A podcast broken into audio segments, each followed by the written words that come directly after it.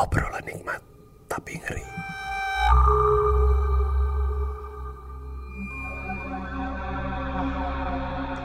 Cerita ini diambil dari kisah nyata paling seram yang dikirim ke DM USS Feed.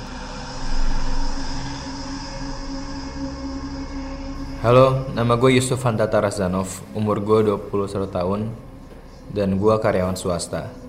Ini pengalaman paling serem gue, begini ceritanya. Jadi sebenarnya ceritain tentang rumah gue. Rumah gue itu ada di kawasan Pakubuwono, Jakarta Selatan.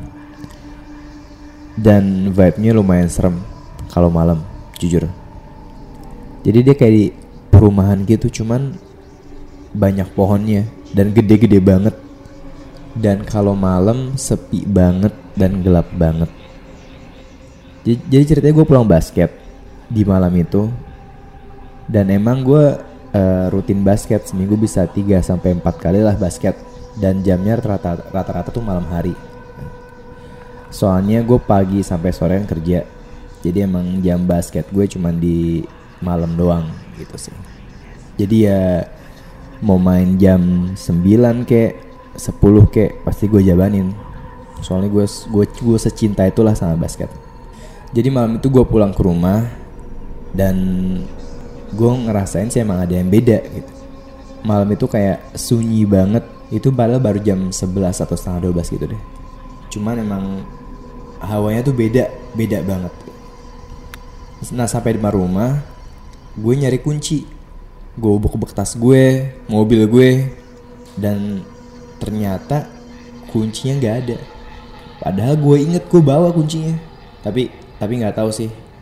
Tapi yang gue rasain gue inget bawa kuncinya. Ya cuman nggak ada lah pada saat itu. Dan akhirnya mau nggak mau terpaksa gue telepon rumah. Sebenarnya gak enak sih bangun bangunin orang rumah udah jam setengah 12 gitu. Cuman kayak ya udahlah daripada nggak masuk rumah gitu. gue telepon ke rumah tapi nggak diangkat. Telepon dua kali nggak diangkat. Tiga kali nggak diangkat. Ya sebenarnya gue mau nelfon istri gue cuman gue nggak enak dia juga capek kerja kan.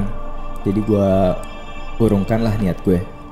Nihil hasilnya nggak ada yang angkat akhirnya gue pasrah tuh ya udah gue main hp Nah waktu gue lagi main HP, tiba-tiba kaca mobil gue ada suara tuk, kayak ada lempar batu gitu.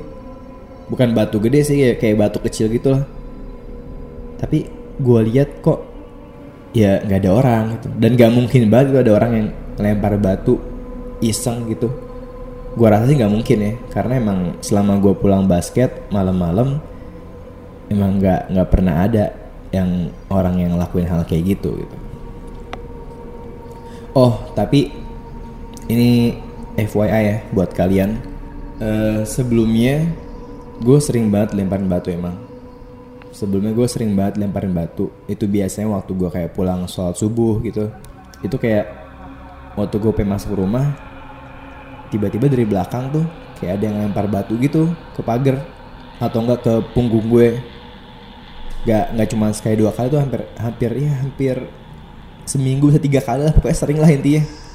Cuman gue nggak nggak pernah nggak pernah lihat siapa yang melempar dan gue nggak pernah lihat eh, bentuk benda yang dilempar apakah itu batu atau apa. Gue nggak tahu tapi gue rasa itu batu tapi batu kecil tuh. Tapi gue nggak pernah lihat langsung batu itu gitu. Jadi setelah beberapa kali kej- kejadian kayak gitu akhirnya gue bilang ke istri gue gue cerita eh aku tiap pagi tuh tiap pulang sholat subuh sering dilemparin batu deh gitu kan. Ya dia antara percaya nggak percaya gitulah. Ya orang subuh subuh pulang sholat subuh masa ada setan sih ya nggak sih? Istri gue yang cerita ke mertua gue. Nah mertua gue tuh nggak percaya.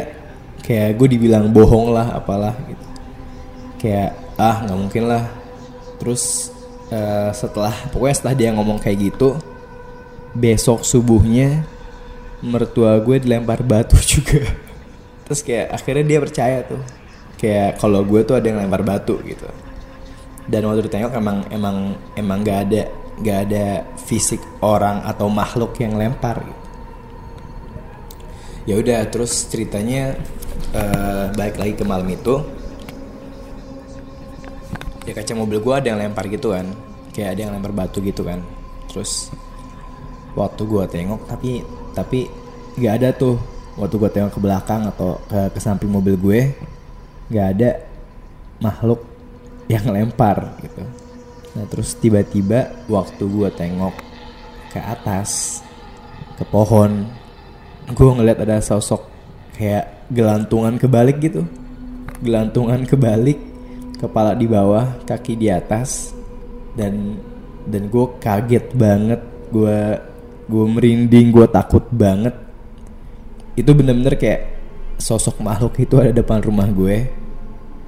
Di pohon depan rumah gue gelantungan kayak kayak monyet cuman lebih lebih gede gitu.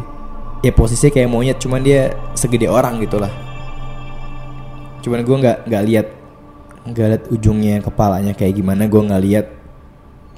Langsung gue gue cabut gue gue nyalain mobil gue jalan nyetir cabut lah pokoknya gue gue nggak mikir mau ke mana gue nggak mikir. Nah itu di jalan gue langsung telepon istri gue. Gue panik banget gue telepon dia kan. Ya pokoknya gue bilang sebenarnya gue nggak mau ganggu lo cuman ini gue takut banget sumpah gue takut banget. Gue lihat ada setan di depan rumah kita gelantungan gue bilang kayak gitu kan. Terus dia juga takut dong merinding. Nah tiba-tiba waktu gue cerita kayak gitu itu kompleks sekomplek gue mati lampu semuanya. Kan pagar rumah gue itu uh, pagar listrik. Jadi kalau mati lampu memang nggak bisa dibuka. Ya udah gue muter-muter sampai akhirnya gue berhenti di Circle K akhirnya gue gue tunggu kabar akhirnya istri gue nelfon gue lagi lampu udah nyala. Terus akhirnya mbak gue bukain gue pintu dan akhirnya gue langsung masuk dalam rumah. Kayak buru-buru lah pokoknya gue nggak mau lihat ke pohon itu nggak mau. Kayak gue langsung masuk dalam rumah gue masuk ke mobil dalam rumah gue turun dan gue langsung cerita ke istri gue dan istri gue bilang waktu gue waktu gue bilang ada ada setan depan rumah tiba-tiba literally langsung mati lampu. Dan dia langsung ikut merinding. Dia bilang kayak gitu kan. Terus kayak ya gue bilang apalagi gue gue liat langsung. Tapi semenjak kejadian itu gue nggak pernah dilemparin batu lagi sih. Mungkin makhluk itu udah puas kali ganggu gue. Gitu sih ceritanya pengalaman gue yang paling serem menurut gue. Kalau lo gimana? Obrolan